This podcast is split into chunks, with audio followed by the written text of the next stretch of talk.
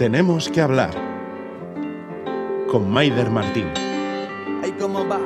Dime, chaval, ¿cómo va? ¿A quién le ha tocado tu parte? ¿Quién será el primero en disparar? ¿Y quién controla? ¿Quién maneja la bola? ¿Cuánto durará el paseo? ¿Quién puede parar la sola?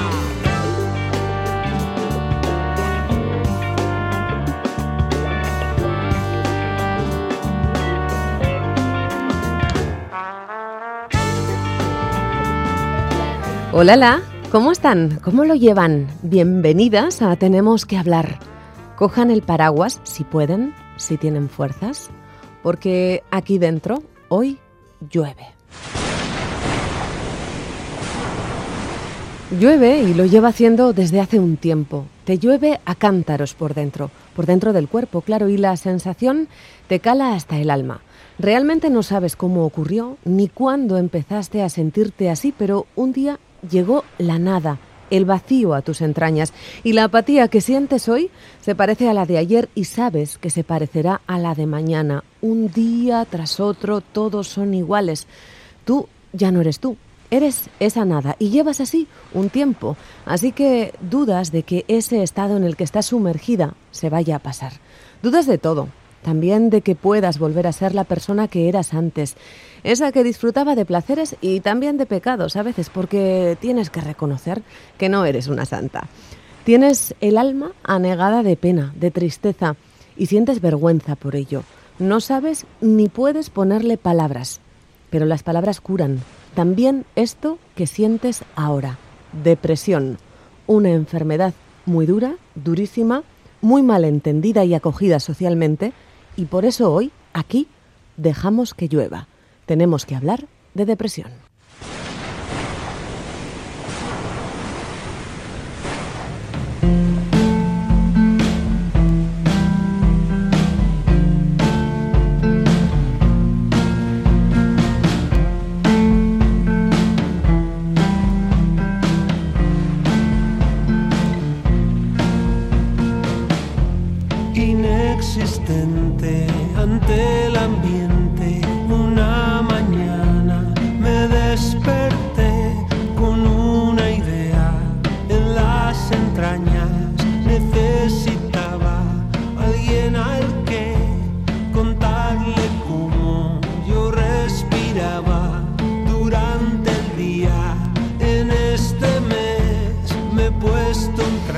La depresión es el dolor del alma, ese que te hace sentir más solo que nadie.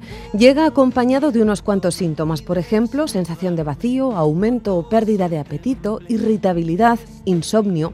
Según la OMS, la padecen 264 millones de personas, más mujeres que hombres, y es la principal causa mundial de discapacidad. déjalo marchar.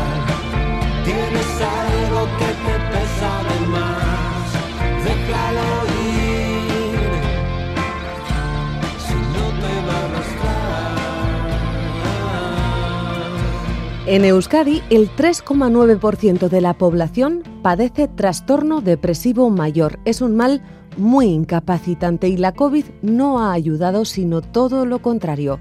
Lorena López es psicóloga de emergencias.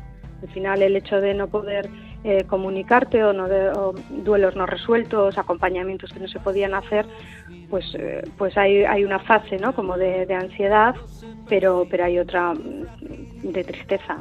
Esta psicóloga de emergencias coordinó Psicobici, un servicio de atención gratuita vía mail, WhatsApp o teléfono para quienes vivieron con demasiada ansiedad o tristeza la COVID, sobre todo el periodo de mayores restricciones. Atendieron 504 consultas. La mayoría de, de las demandas fueron sobre ansiedad, cuadros de sobrecarga emocional, estrés agudo, miedo al contagio, miedo a la muerte, la preocupación por familiares y amigos. Eso básicamente fue el, el- el mayor grueso de, de lo que eran las, las demandas. Tras la COVID, la salud mental está en el punto de mira y la actualidad pone el visor hacia ella más que nunca. En Leyoa, un joven de 21 años entraba el miércoles al campus de la UPV-HU con una escopeta comprada el día anterior.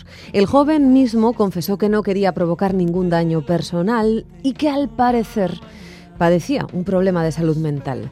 Así que hemos aprovechado, ya que estábamos hablando con una psicóloga de emergencias, para saber cómo actúa un especialista desplazado al lugar en casos como estos ofrecer una atención en, crisis. Nosotros tenemos un protocolo de actuación, eh, vamos a coordinarnos con los distintos equipos profesionales allí desplegados y vamos a ofrecer una primera ayuda psicológica. Estamos acostumbrados a actuar en situaciones de alto impacto emocional, con lo cual eh, nuestra, nuestro objetivo va a ser intentar ayudar al mayor número de personas relacionadas con esa situación crítica. Le hemos pedido también que nos ayude a reflexionar ¿Y nosotros qué? ¿Cómo hemos de actuar los medios de comunicación? ¿Cómo hemos de tratar una cuestión como esta? Sería no revictimizar y no hacer un daño añadido, proporcionar la información sobre el suceso, pero teniendo en cuenta la importancia de, de cuidar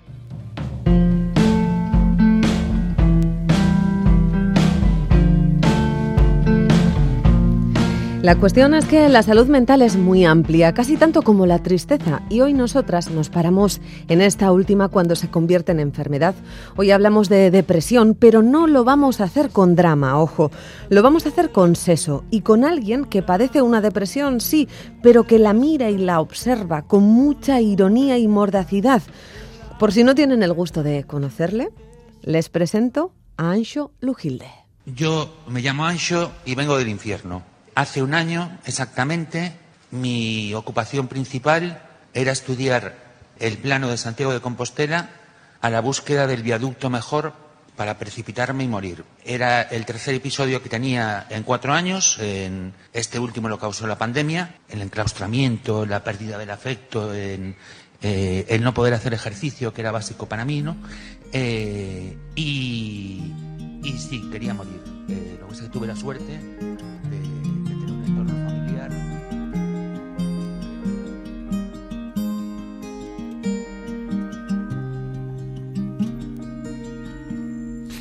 un rato que non roe e unha pita que non pon Ancho Lujilde tiene depresión desde hace 30 años, en el estadio más grave que puedan imaginar.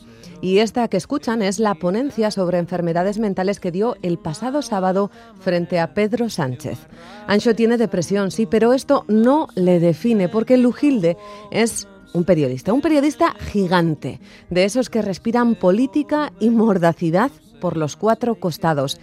Es de esos que habría que leer cuando una estudia la carrera en la universidad para aprender de verdad.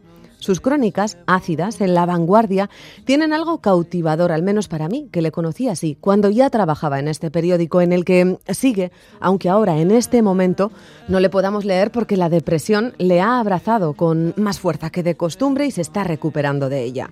Ancho es muy querido, especialmente en Cataluña, y lo es, entre otras cosas, porque en RACU, la radio líder, hace algo así como de corresponsal galego que mira la actualidad catalana con ojos vivos y preguntones, cargados de retranca galega, esa que en Cataluña y aquí tanto, tanto nos gusta. Su manera de mirar le convirtió en una referencia en el programa de las mañanas del fin de semana, Vía Llure. Lo dirige Xavier Bundó pero aparecía y desaparecía porque la depresión le obligaba. La audiencia preguntaba por él y él sintió que tenía una responsabilidad con todos y que quizá su testimonio sirviera para algo. Así que un día salió del armario de la vergüenza y lo contó en la radio, en RACU. Vos días, Cataluña, soc Alanxo, estic malalt de nou, no tinc coronavirus, tinc una depresión. Y Entre idas y venidas, entre dolores muy fuertes, ahí adentro, en el almita, Ancho ha tenido tiempo para escribir un libro, La vieja compañera, mis 30 años de lucha contra la depresión. Un libro en el que anima a todos los depresivos que puedan a salir del armario, porque las palabras curan o al menos aminoran la carga. Ancho Lujilde, ¿qué tal? ¿Cómo estás? Bien, Bien.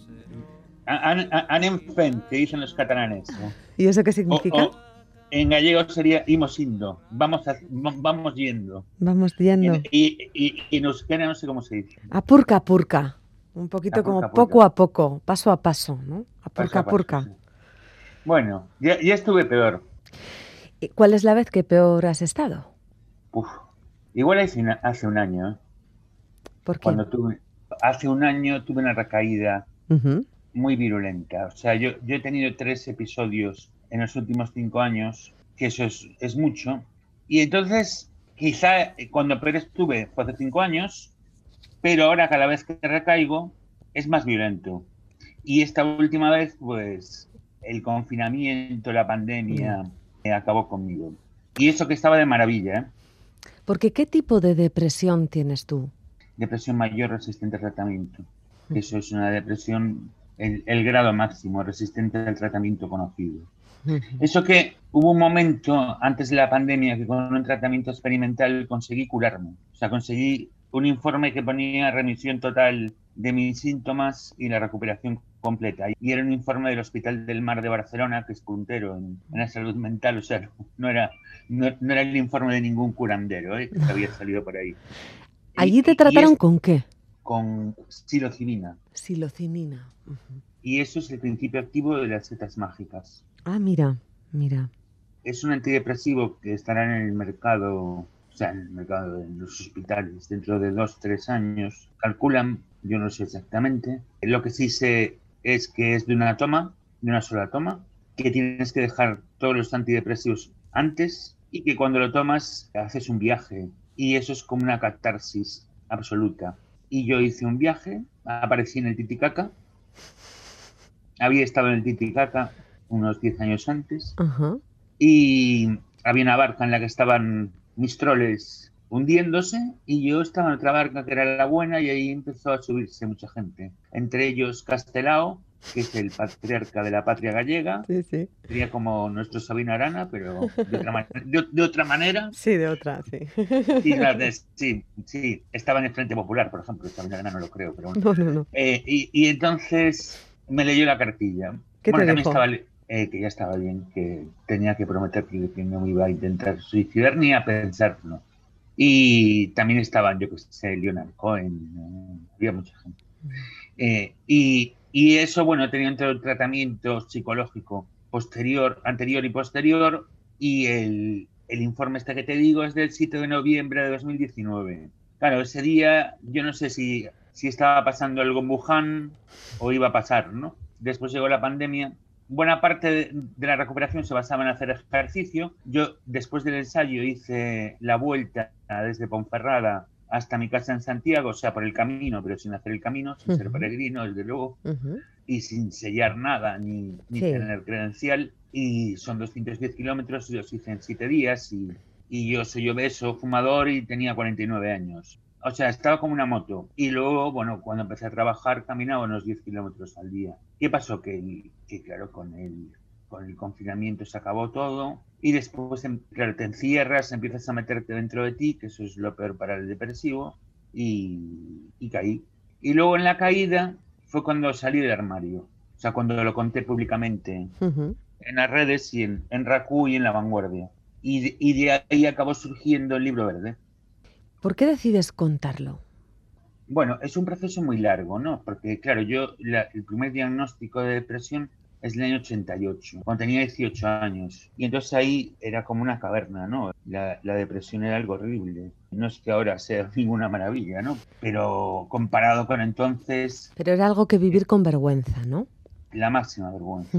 Primero lo ocultaba mucho, después ya no tanto en el círculo íntimo y después ya, bueno, ya, ya era una cosa así conocida a medida que fui teniendo episodios, ¿no?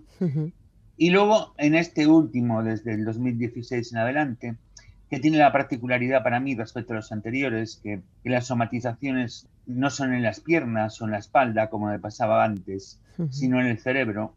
O sea, me quedo en blanco, me bloqueo. Y entonces es una cosa horrible. Bueno, mis terapeutas me fueron convenciendo de que era una enfermedad como cualquier otra. Lo que pasa que en lugar de en el hígado, en los riñones, en las piernas, pues la tengo en el cerebro. Entonces eso, y el saber que los que me querían fastidiar sabían perfectamente lo que tenía y que, bueno, tu- tuve un hecho así clave. En el 2018, un día que el presidente de la Junta nos convocó allí en un hotel y estuvo llorando porque no se podía ir a Madrid, no sé si te acuerdas. Sí, sí. Y entonces yo llegué antes para preparar las, el, bueno, la típica historia de los periodistas de preparar las dos crónicas, ¿no? La de se va o no se va. Sí. Y entonces estaban los de prensa del PP y los de medios afines allí riéndose de mí con si había tomado la pastilla. ¿En Y serio? yo me encontraba, sí, y yo me encontraba Ah. bastante mal. Sí, pero eso fue una fuerza que, que me ayudó a salir, porque yo cuando la gente me pregunta si salgo o no, claro, yo no sé, depende de la situación de cada uno. Lo que siempre les digo siempre es que normalmente quien te quiere fastidiar ya lo sabe, ¿no? Entonces, bueno, el primer factor fue soltar lastre. El segundo fue que la audiencia de, de Raku me reclamaba, hasta el punto de que si buscaba Sancho Lugilde en Google, Sí. lo que te ofrecía era, la siguiente palabra era enfermedad. Y entonces la gente pues parecía que buscaba a ver qué me pasaba. Entonces me parecía una, cru- una crueldad porque podían pensar que tenía un cáncer y yo no tenía un cáncer. Y después la tercera, bueno, la idea de que sí, de que podía ayudar a la gente. ¿Qué pasó? Que, que la acogida fue tan fuerte, salió tanta gente que decía que, que le reconfortaba, que le ayudaba, que el, el que era el tercer motivo acabó siendo el primero fundamental, ¿no? Y entonces empecé así como una cruzada o lucha contra el estigma y a favor de la visibilización y normalización de la enfermedad, ¿no? Que es un poco también el, el leitmotiv del libro, ¿no?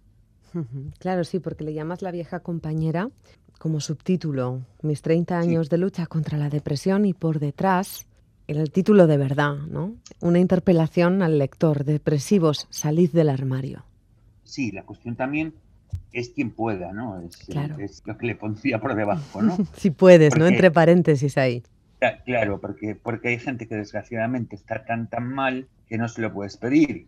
O que tiene un entorno tan duro y tan terrible. O sea, eh, hay psiquiatras que cuentan, en Galicia por lo menos, que las familias no les dejan tomar las pastillas. Entonces, claro, no le vas a pedir a estos que salgan, ¿no? Yo los que sí creo que tenemos una obligación cívica de hacerlo son los que tenemos una proyección pública, Sí. aunque sea pequeña como la mía, ¿no? Porque eso ayuda muchísimo a normalizar. A ver, en el armario el depresivo está en su hábitat, ¿no? Y la sociedad lo mete allí también. Y entonces está en su hábitat cerrado en sí mismo, comiéndose la cabeza, y si encima la sociedad le dice que es una mierda y él también lo cree, pues claro, es un cóctel explosivo, ¿no? Yo creo que el, bueno, y lo dicen los médicos, que el estigma mata, ha llegado a matar, porque hay gente Hombre, que no lo claro. aguanta. Sí, sí, claro. No todo el mundo le sirve como revulsivo, ¿no? O de revulsivo que tus compañeros de profesión se rían de ti. Hay a gente a la que le hunde. O depende del momento en el que No, estés, a- a- no, no, no, a mí acabó eh, siendo de revulsivo después, ¿eh? mucho Ajá, tiempo después. En aquel momento lo Sí. pasé horriblemente mal. Ajá. Horriblemente mal, porque además me encontraba fatal. Es, es horrible. O sea, eso de, de- de la pastillita, de- del loco, del... Claro, entonces, ¿cómo se ha tratado al, al depresivo, al, al enfermo mental en general, ¿no? Y al depresivo en particular eh, en el Estado español en las últimas décadas ha sido escandaloso. Que conste que, claro, en el franquismo era mucho peor, ¿no? Ya era... Pero es una tarea de la democracia Sí, pendiente. sí. Y, y- y es una tarea tan básica como el reconocimiento de la ciudadanía del enfermo mental. Porque en el fondo al enfermo mental se le niega la ciudadanía. Es que o se le trata como te trataron tus compañeros ese día o se le Mm. infantiliza, ¿no? Que es como la otra cara de la moneda. Sí, se le, se le menoscaba, se le- cuando la pastillita en realidad la toma mogollón de gente. Y, y a lo mejor la tomaba alguno de ellos. Lo que, pasa, lo que pasa sí. que en mi caso se sabía. Sí, O sea, al- algún tipo de pastillita, ¿no? Esto que dijo Rejón en el Congreso, de, de todos los nombres de medicamentos que, que todos conocemos, pero que no se pueden decir, ¿no? Es tan triste como esto. Pero bueno, también así se, eh, se llega a situaciones como la- la- el desconocimiento tremendo que hay sobre la, sobre la depresión en la sociedad. A ver, la depresión en el mundo actual es una bomba de relojería por los hábitos sociales, de eso, pues de, de competitividad, Sí. de hiperconectividad eh, eh, combinado con soledad, que es que es un cóctel explosivo, ¿no? Em, Eso es la la locura. Mm, la locura, ¿no? La vida acelerada. mm. A, a mí- a- mí me, me ha sorprendido mucho en algunas entrevistas. Por ejemplo, mira, el que, que lo reconoció en antena y se lo agradezco fue Francino Ujú. Eh, en, la, en la cadena SER. Sí. Que, bueno, expliqué las somatizaciones. Es el efecto físico eh, de la violencia mental, ¿no? De tu carga la- mental, de- sí. de la- yo los primeros síntomas que tuve en la adolescencia era que, que tenía cojeras, contracturas en las piernas injustificadas y en la espalda, ¿no? ¿Eso con cuántos años, Ancho? 18. Cuando te diagnosticaron. Sí, y luego pasé a tenerlos desde los 45 en el cerebro. Y Francino me dijo que no tenía ni idea de que había efectos físicos de la depresión. Eh, el otro día me invitaron a la Moncloa al acto de la sobre salud mental con Pedro Sánchez, ¿no? Hubo un coloquio y yo expliqué, bueno, era así una cosa muy rápida, pero expliqué un poco el dolor atroz que sufre el depresivo y también eh, Pedro Sánchez al acabar me felicitó y me dijo que no sabía que el dolor del depresivo era tan grande. Me gustaría que me explicaras, creo que mm, eh, la falta de empatía social que hay hacia la gente que tiene depresión y también hacia la que tiene ansiedad, pero son como polos opuestos de la enfermedad mental, em, me gustaría que me explicaras qué tipo de dolores, que nos lo hicieras ver, tocar y hasta oler, Ancho, para que los oyentes, las oyentes, se puedan hacer cargo y hacer un ejercicio empático cada vez que una persona se acerque a nosotros diciéndonos tengo depresión. Es complicado, ¿eh? Pero yo, por ejemplo, una fase hace unos meses que sentía como que tenía en el pecho un cristal clavado, como si, si se hubiese roto una botella y me hubiesen clavado un cacho en el pecho. Y era un dolor espantoso. Después hubo un tiempo bastante largo, en, de hace años, que cuando escuchaba la palabra futuro o lloraba o me daban ganas de llorar. Después, otra manifestación del dolor más atroz es que ves todo, todo, todo tan absolutamente negro que lo que quieres es morir. Y yo lo que, lo que pensaba era, bueno, ahí hay un párrafo en el, en el libro hmm. que suele llamar la atención, que es que yo miraba los horarios de los trenes sin querer viajar en ellos. Pero fuiste una buena persona porque decidiste no tirarte por el maquinista. En parte sí. Pero he estado veces cerca, ¿eh? Porque la vieja compañera, la depresión te dice, no, dale saltito que, que, que se arregla, ¿no? Y entonces es eso, que es que sientes tal desesperanza, te sientes tan mal contigo mismo, no hay nada que te valga, porque además sientes la anedonia. La anedonia es la ausencia de placer. El depresivo llega un momento que no siente placer por nada, o sea, si a ti te gustaba leer, escuchar música, pasear por el río o ir al fútbol, que no es mi caso, y ya te da exactamente igual. Lo único que te importa son el dolor que sientes y la idea de liberarte de él mediante el suicidio. La depresión está catalogada como una enfermedad mental, lo has dicho en varias ocasiones. Tú te refieres a ella como una enfermedad del alma y hay quien se refiere a ella como la enfermedad de los inteligentes. ¿A esos qué les dices? pues, que, pues, pues, que, mi psiquiatra dice que conoce cada burro con depresión. Yo diría que es más la enfermedad de los sensibles, pero bueno, eh, sí, sí es cierto que hay gente muy inteligente con depresión, pues el propio José Manuel Beiras, que es de Quinto Me, el líder histórico del nacionalismo gallego. del Benega. Del Benega y es uno de los grandes intelectuales eh, gallegos. Fue pionero en salir del armario en Galicia ya en los años 80. A Beiras le decían en el Parlamento los del PP, tómate la pastilla. Sí, Beiras es súper inteligente, pero bueno, hay gente que, no lo ve si tiene depresión. Es que no hay un perfil, ¿sabes? Porque yo ahora, claro, me he vuelto un poco detector de depresivos. En el sentido de que se me acercan o me escriben o me cuentan que tienen depresión o que la han tenido. Y hay gente que es que, bueno, me quedo totalmente alucinado. O sea, gente que no se me ocurriría jamás, con carreras profesionales de vida estable, atractivos, eh, no sé, que, nunca, que nunca dirías de ellos que, son depresivos. Y entonces mm, eso también debería llevar a, la sociedad a una reflexión muy grande, ¿no? Porque, porque si le puede pasar a cualquiera, pues el peligro... Y ya te digo, ahora mismo la vieja compañera está desatada. O sea, eh, con la combinación del caldo de cultivo que ya había, de la vida que llevábamos, ¿no? Y la pandemia y sus efectos, es una bomba de relojería. En este momento.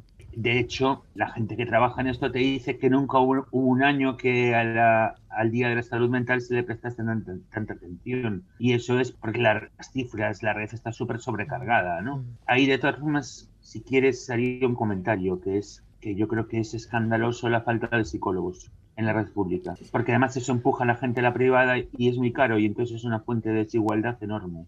Claro, esto es maravilloso para las farmacéuticas, porque entonces el médico de cabecera te da la pastillita y andando, y no se hace la, psicoterapia, que puede cortar muchas cosas antes de que se agraven, ¿no? Y, de, prevenir. Por cierto, ¿a ti te ha servido de terapia la radio? Sí. Porque tienes pasión por ella, ¿no? Totalmente, sí. Y una relación muy especial con Bundo, de Raku. Eh, sí, bueno, ya nos hicimos amigos cuando había venido a había ido a la campaña gallega y bueno, y, Xavi ahora es un monstruo de las ondas en Cataluña, ¿no? Porque tiene el segundo programa de más audiencia en Cataluña. Estaba intentando yo hablar de la radio contigo y de Bundó y así, Mm. porque mm, estoy muy interesada en saber cómo se vive un blanco. Yo creo que eh, el mayor miedo que tenemos nosotros los periodistas, o al menos los periodistas de radio, es a quedarnos en blanco, ¿no? A no saber qué decir Sí. o a abrir ese fichero mental que abrimos todos automáticamente cuando estamos distendidos y no sobrepresionados, y con la luz en rojo siempre nos sobrepresionamos, y eso en parte es bueno. Pero cuando ocurre eso, mm, siempre temes no encontrar la palabra precisa, la adecuada, ¿no? Y a ti eso te ocurrió una vez en un momento de, de depresión fuerte. Y me gustaría que, que me contaras cómo te sentiste con ese blanco en la radio. Eh, había salido la primera sentencia del Pacto de Meirás, de, Sí, de la Revolución. sí, sí, sí. Entonces era un tema, claro, muy interesante para mí. Conté la historia del caudillo de los huevos fritos.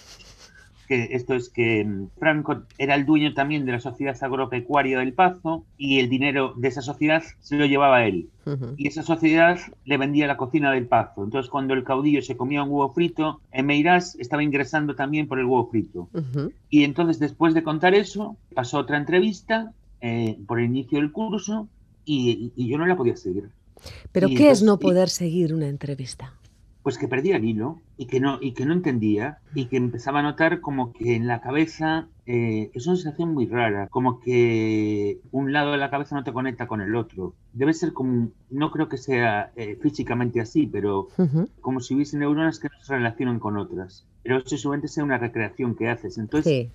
Entonces hice de todo, y todo junto además. Y estaba en mi casa, ¿no? Entonces me vacié la cafetera, eh, o sea, me bebí el café que había, me tomé un, un ansiolítico sublingual, era el primero que tomaba en, en más de un año. Metí la cabeza debajo de la ducha con agua fría, hice ejercicios de relajación así rápidos, de estos de respiraciones Ujú, que hay sí, de, sí, sí. de 4-4-8, o sea, de 4 eh, inhalar, 4 aguantar y 8 expulsar, ¿no? Ujú. Y bueno, aparte, claro, lo hice todo junto. Entonces, eh, me, sen- eh, me sentía bastante Mr. Bean, la verdad.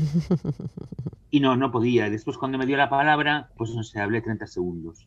Y después le escribí y le dije que no podía. Es verdad que es el gran pánico, ¿no? Cuando, aparte, Mm. yo como, como en las depresiones anteriores nunca me había pasado en el cerebro, Mm. yo no pensaba que fuese una depresión. Yo pensé que era un Alzheimer, que era, que era un Sí. cáncer cerebral, Sí, eh, pensé sí. de todo. Y sentiste, mm, cuando fuiste consciente, ¿no? De que habías vivido un blanco, que no lo habías podido mm, evitar, que había sido público, todavía no habías salido del armario de la depresión, todavía no lo sabía tu madre, no lo sabía nadie. ¿Viviste vergüenza? Esa Es- vergüenza contaminante. Sí, mucha. Y es más, me sentí inhabilitado para, para la profesión eh, para siempre. O sea, que eso era como el final. Claro. Bueno, también era todo muy dramático, ¿no? Era un momento en el que fui al médico en esos días y el papelito este que te dan para que en la pantalla veas que puedes ir a, la consulta, ¿no? De tu médico. Yo era incapaz de, relacionar el papelito con el número de, de la pantalla. Y estuve así toda la tarde. Se lo dije a los celadores y me dieron otro papelito. Y- pero, pero el resultado era el mismo. Y Entonces, bueno, al final llamé a, a unos amigos y vinieron a, a- a llevarme a ver al médico, que tampoco se me ocurría ir a ver al médico, ¿no? Esto de cuando sale alguien que entras, ¿no? Y le dices, oye, mira, me pasa esto, ¿no? Y entonces, bueno, me mandó al hospital con un papel de ella para que me hicieran un, un escáner. Claro, porque la depresión, yo también digo eso, que es el, el bicho invisible, ¿no? Que no hay. PCR ni, Mi microscopio. no hay nada.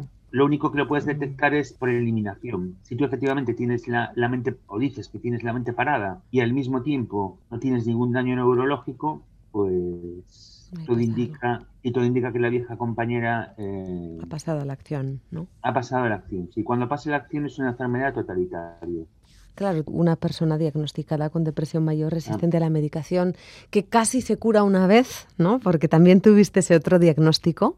Conservas la esperanza de poder curarte. Claro, ahí hay dos, dos líneas, ¿no? Mm. una es la de los psiquiatras, que es muy pesimista Ujú, y, desesper- y desesperanzadora, ujú, que es que es una enfermedad crónica y es para siempre y te tienes que medicar toda la vida. ujú, sí. Lo cual es muy duro porque la medicación no, no son caramelos. ¿eh?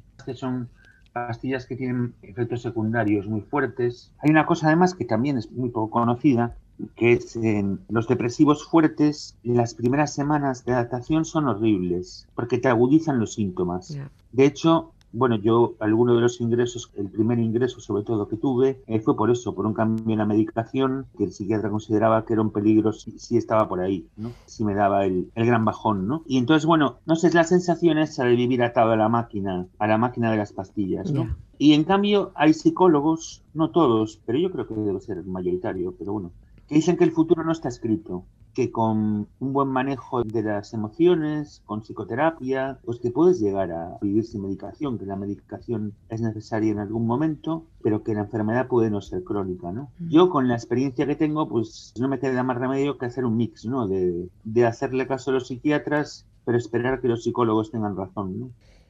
Estaba pensando ahora, mientras miraba la contraportada del libro y las preguntas que me quedaban por hacerte y sobre todo las sensaciones que me está dejando a mí esta entrevista, justo he caído en la depresión está catalogada como una enfermedad mental, es lo que pone en la línea que, que tengo aquí apuntada. Y pensaba, una enfermedad mental y en cambio el discurso de este hombre es un discurso lucidísimo, ¿no? En los artículos de la vanguardia y también en esta, en esta conversación.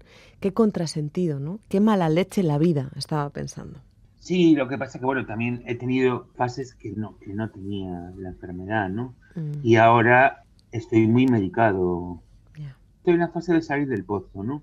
Ebundo, precisamente, eh, que es mi amigo mío, mm. este verano estaba muy preocupado con la promoción, con que me preguntasen qué tal estaba, ¿no?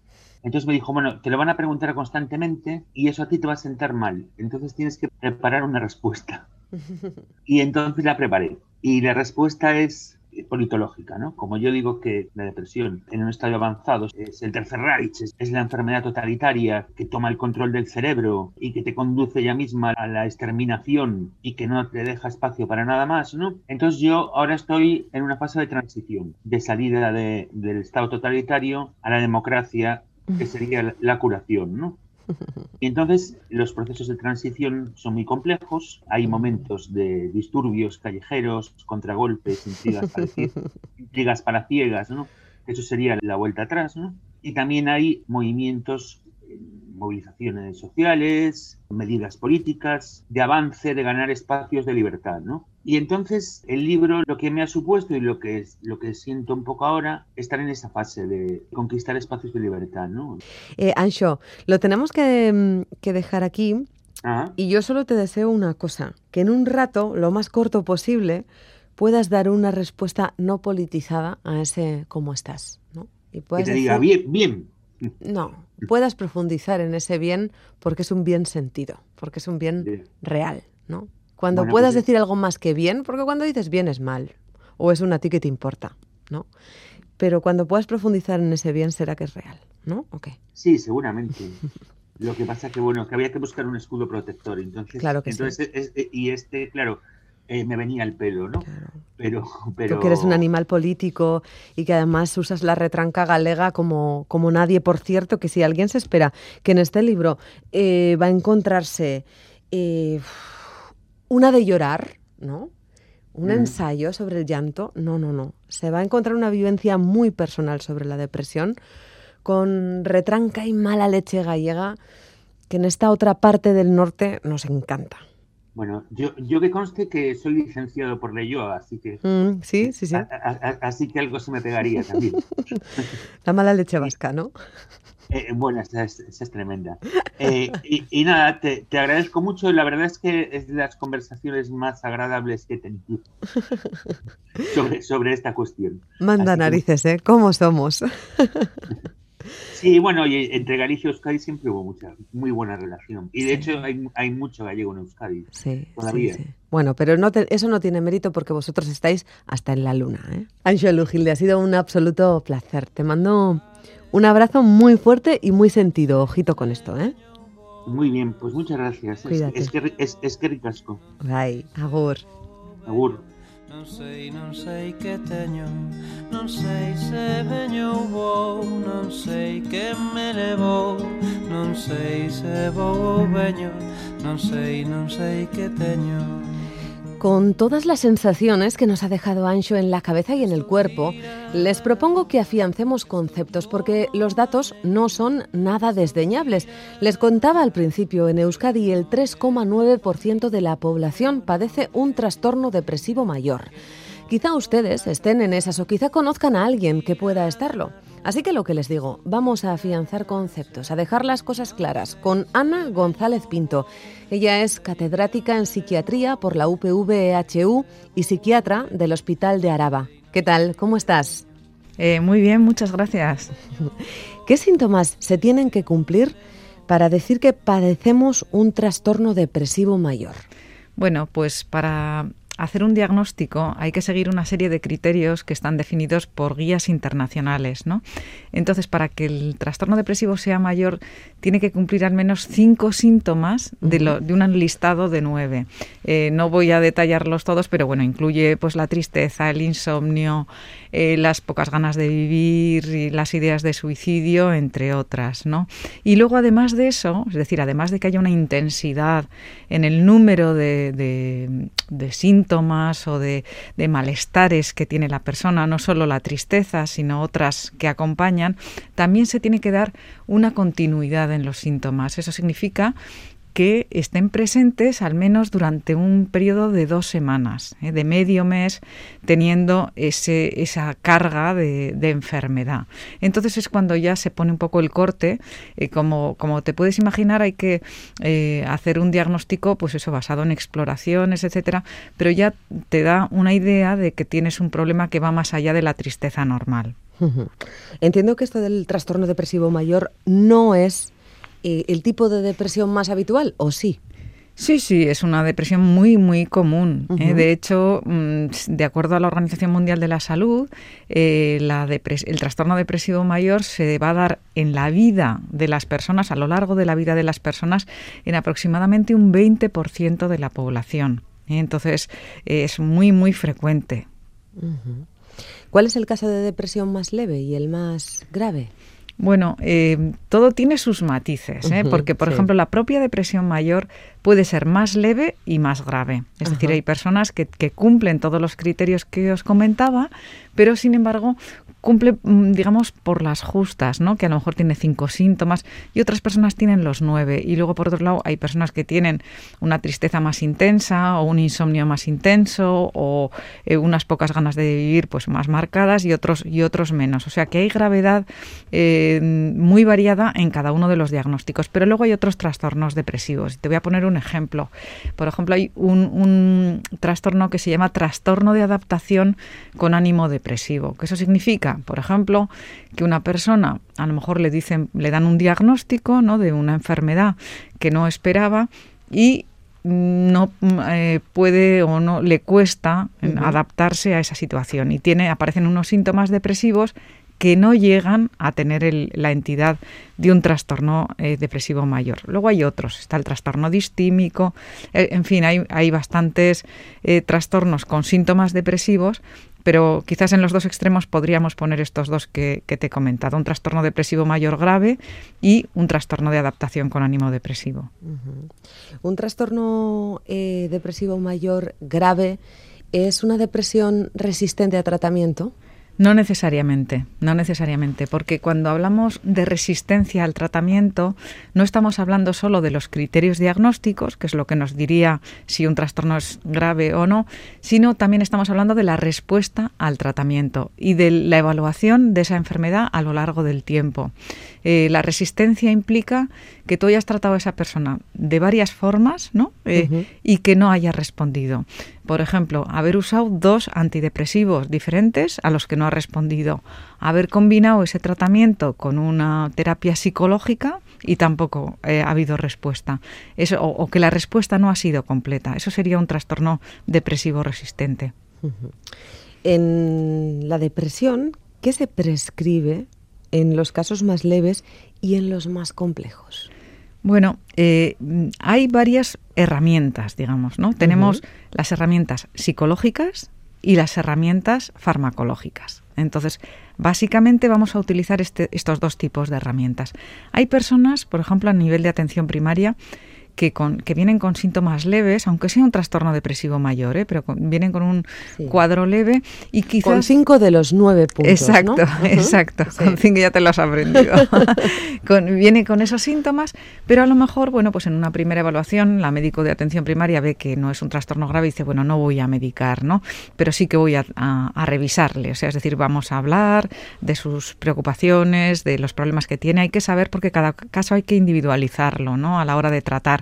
A lo mejor si es una persona que está deprimida y además pues está teniendo una serie de problemas en casa, pues quizás eso puede, eh, si le ayudas a, manejar ese problema, pues puede mejorar. Otras personas a lo mejor tienen un estilo de vida muy poco saludable y el eh, mejorar ese estilo de vida también puede ayudarles. Entonces, puede haber intervenciones psicológicas y de estilo de vida y de simplemente de cambio. Lo que está claro es que si uno se ha deprimido, tiene que establecerse un cambio en la persona para que para prevenir también futuras eh, depresiones. Y luego también está el tratamiento farmacológico. Evidentemente, si vemos un cuadro que es grave, lo normal es que prescribamos también un, tratamiento farmacológico. Y luego hay algunas terapias más específicas, como el de los tratamientos cognitivo-conductuales, que son terapias, normalmente algunas son de ocho sesiones, simplemente tenemos alguna diseñada por Osakidecha para, para el tratamiento de la depresión y que también son eficaces. Han demostrado la misma eficacia tiene la terapia psicológica, esta terapia psicológica, que la terapia farmacológica. Y normalmente si el cuadro es importante, tendremos que combinar los dos tratamientos. Terapia psicológica es decir, ponerle palabras a lo que nos ocurre, hablar, ¿no? Hablar, hablar de la depresión y de lo que a uno le hace sentir, pero claro, esto casi em, es misión imposible para, para, el depresivo o el deprimido, em, porque justo lo que siente eh, es vergüenza. Claro, hay una combinación de sentimientos, ¿no? Puede sentir vergüenza, culpa, culpa. Ahora se ve menos la culpa, pero antes se veía muchísimo. Desde luego tristeza. Y es importante ponerle palabras porque hay que entender lo que nos pasa, ¿no? Si no, si no es difícil cambiarlo. Pero luego hay que hacer un cambio, hay que dar un paso adelante. Y ahí es donde a la persona que tiene una depresión le cuesta mucho porque no tiene fuerza para dar el cambio. Claro. Estaba pensando que tú estabas haciendo mucho hincapié en las palabras, ¿no? En hablar y en el estilo de vida, ¿no? pero claro, es un poco la pescadilla que se muerde la cola, porque si una, uno está débil y tiene unos hábitos poco saludables, ¿no? Que van en contra de sí mismo, generar como esa ola de sí, venga, lo voy a conseguir cambiar, requiere de mucha eh, energía, una energía que no se tiene. Claro, por eso hay que hacer las, mm, todos los cambios en muy pequeños pasos. Además, hay personas que necesitan efectivamente un tratamiento para poder tener esa energía. Y luego hay que tener en cuenta también las preferencias de las personas. Hay gente que dice, mira, yo no puedo venir aquí todas las semanas porque no estoy tan deprimido y tengo que seguir con mi trabajo. Y entonces esas personas a lo mejor te dicen, yo quiero un tratamiento farmacológico y lo tienen muy claro, ¿no? Y otras, en cambio, dicen, yo no quiero tomar, yo soy antifármacos, ¿no? Esto es algo que se oye mucho en nuestra sociedad, yo soy antifármacos, bueno, pues nada, sin problema, pero claro, cuando ven que no pueden avanzar, llega un momento que, te piden, dicen, bueno, necesito algo más, ¿no? Y, ahí eh, los fármacos son de los que prescribimos, han demostrado una alta eficacia. Por cierto, ¿el ejercicio físico ayuda a los fármacos? ¿Lo estáis prescribiendo? Totalmente, totalmente. Eh, de hecho, tenemos varios ensayos clínicos con ejercicio físico. Ah, porque sí, es que tú tienes que pensar que eh, curiosamente, los pacientes con depresión tienen más riesgo de enfermedad cardiovascular y al revés, los pacientes que nosotros vemos en rehabilitación cardíaca tienen más riesgo de depresión. Entonces, eh, al final, no podemos compartimentar al ser humano, es decir, todo está relacionado. Hay un sistema circulatorio que irriga el cerebro. Cuanto mejor esté ese sistema, menos posibilidades de tener un episodio depresivo y es evidente que, el ejercicio, y bueno, ya no digamos si además lo prescribes en la naturaleza, eh, pasear por el bosque, eh, a la orilla del mar, en fin, hay, hay eh, situaciones o, que, mejoran con mucha intensidad y con mucha fuerza el cuadro depresivo. ¿Cómo se desarrolla un cuadro depresivo? Pues normalmente lo más habitual es que sea lentamente. ¿Eh? lo normal, lo que te suelen decir las personas es que empezaron a notar eh, pues un poquito menos de energía, eh, algo de tristeza, no entendían, no tenían ganas de salir. pero algunos casos no son así. Algunos casos, sobre todo los pacientes que son depresiones bipolares, es algo bastante brusco. En, cuestión de una semana pueden estar profundamente deprimidos. Pero lo más habitual es que sea lento. Lento en meses, en años, depende de la persona. No, más, mm, tanto como años no, pero semanas, e incluso algún mes puede ser, sí. ¿Y hay un detonante o hay personas que tienen cierta predisposición genética a la depresión, a esta tristeza enfermiza? Pues fíjate, en este momento el conocimiento que tenemos es, eh, ha podido hasta cuantificar el porcentaje, con lo que sabemos hasta ahora, ¿eh? del porcentaje de, de componente biológico y lo que sería el resto que sería lo psicológico y lo social. Y el componente biológico de la depresión eh, se acerca al 50%, un 48%. No es tan alto como la esquizofrenia o el trastorno bipolar, pero es importante. ¿eh? Y esto lo entendemos perfectamente si ponemos eh, un paralelismo con las enfermedades cardiovasculares o, con los, riesgos de enfermedad cardiovascular, como puede ser eh, factores como la hipertensión, la obesidad. Es decir, todos sabemos que hay familias que tienden más a la obesidad que otras, aunque luego ya, por supuesto que ya estamos hartos de que nos digan, no, es que tú comes mucho. sí, claro, pero mi, pero mi hermano también come, o mi, o mi amiga también come mucho y no, y no engorda. Entonces hay factores que son biológicos y, esos están ahí, pero luego también hay, lo decías que si había causas, mm, pues hay dos factores. Por un lado, Claro que hay causas ambientales que son importantes, el trauma infantil tiene un peso enorme, la soledad, eh, bueno, yo creo que son cosas que ya vamos oyendo, ¿no? Pero que, que desde luego inciden muchísimo en... Qué importante, eh, claro, trauma infantil, soledad, estoy aquí a todo apuntar, ¿eh, Ana? Sí, sí, sí. No, eso es, y, bueno, pues evidentemente todos entendemos que si a alguien de repente se le muere la pareja, ¿no? O se le muere un hijo, pues, pues es que es, vamos, importantísimo el impacto que tiene eso en el estado de ánimo de una persona. Pero también es cierto que tendemos a atribuir, ¿eh? a, intentar explicar, a intentar poner palabras, como decías, ¿no? Y hay personas que dicen, no, yo no estoy deprimido, lo que pasa es que me ha pasado esto. Y dices, bueno, te ha pasado eso, pero la mayor parte de las personas son capaces de reconstruirse, ¿no? Y, y resituarse y tú en este momento no estás pudiendo, porque no, no estás pudiendo llevar tu vida adelante, ¿no? Porque tienes ideación suicida, por ejemplo, y ahí se necesita ayuda. Y para los que nos estén escuchando, que se sientan aludidos, ¿no? Ahora que hablamos de depresión, ¿cómo hacemos? ¿Cómo le damos la vuelta a la tortilla? Lo primero y principal, ir al médico de cabecera para empezar y que nos deriven, ¿no? Sí, yo creo que si ya, ya tenemos la, la enfermedad, hay que ir al médico de atención primaria. Y el médico de atención primaria trata muchos episodios depresivos. normalmente mm, deriva aquellos que no, que no evolucionan adecuadamente, ¿no? Pero, pero sí que ya ellos tienen formación ellos rotan por, por psiquiatría, por salud mental y tienen formación para tratar eh, episodios depresivos.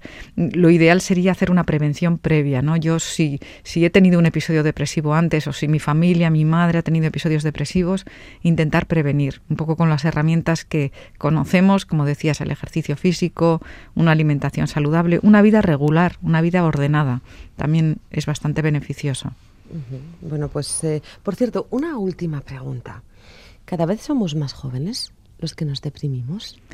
Bueno, cada vez detectamos mejor la, depresión en los jóvenes, eso seguro, porque antes, bueno, parecía que no, no, no, tenía ninguna importancia, por ejemplo, que un adolescente estuviera deprimido, ¿no? Parecía que era algo normal en esa edad y no tiene por qué serlo. Una cosa es que la adolescencia sí que puede irse ir acompañado por ciertos altibajos del, ánimo y otra cosa es que haya un episodio depresivo eh, ya marcado, ¿no? Y por eso queremos prevenir también el suicidio de los jóvenes, que, que, no podemos despreciar, ¿no? El, el sufrimiento del adolescente. Y luego, por otro lado, quizás sí que hay un componente de aumento de patología en etapa infanto-juvenil. Se ha visto muy claramente durante la pandemia. ¿A qué se le atribuye?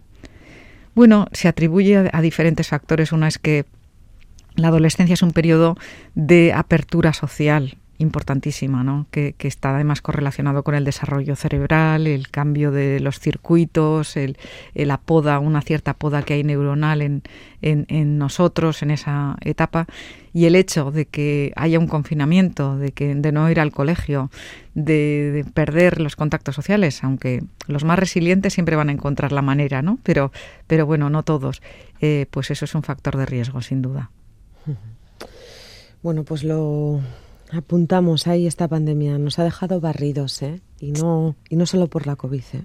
Pues sí, es cierto, sí. Hay que, hay que salir adelante, pero, pero sí que ha sido una situación dura ¿eh? y no estábamos acostumbrados además a situaciones así de duras. Bueno, pues ahora nos ordenamos, nos ponemos rutinas saludables, salimos a la calle, hacemos ejercicio, comemos bien, estamos con gente que nos quiere, que nos hace sentirnos queridos y seguimos caminando, ¿no, Ana? Efectivamente, y nos reímos un poco. Que ya nos hace falta, sí, sí.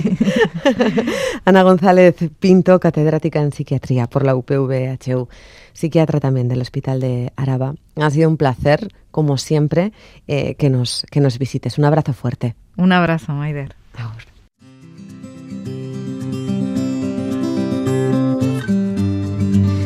Pues hasta aquí, amigas. Con todo esto en la cabeza nos vamos, pero queremos marcharnos en calma y con calma. Que la vida nos alborota y a veces no sabemos a dónde vamos, pero lo hacemos corriendo. Nos marchamos respirando, así en 448, como nos ha enseñado sin pretenderlo Ancho Lujilde. Nos vamos sabiendo que hemos hablado de la depresión desde dentro, con empatía y sabiendo, conociendo sensaciones, lo que siente un depresivo, que ya era hora. Quizá así se haya desplazado un poquito al menos el telón del estigma y vergüenza que persigue a este grupo de gente, a los depresivos. Quizá lo hayamos desplazado tan solo un milímetro, pero somos todos un milímetro más libres. Sigan hablando, ya saben, tenemos que hablar para encontrarnos, a veces con nosotras mismas. ¿Dónde vive?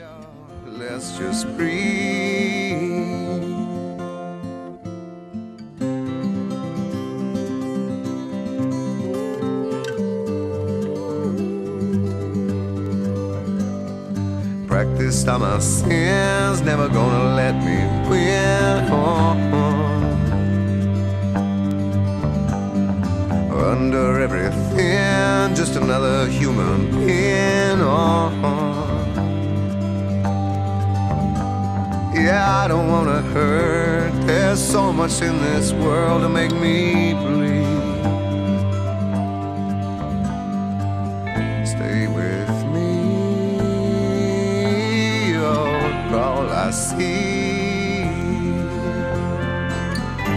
Did I say that I need you?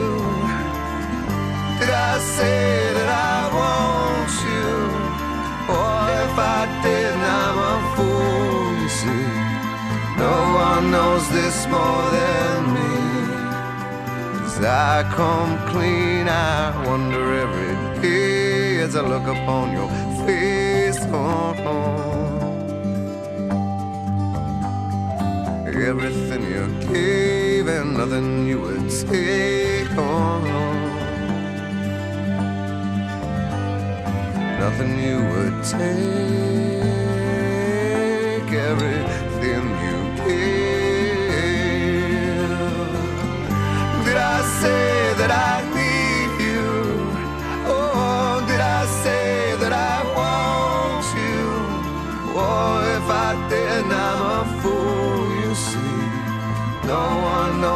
more than me. I come cleaner.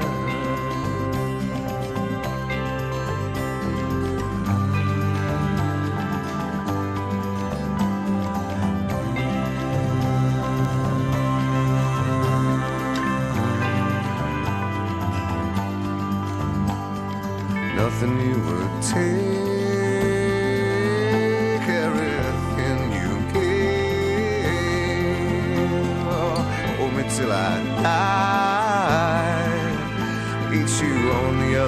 side.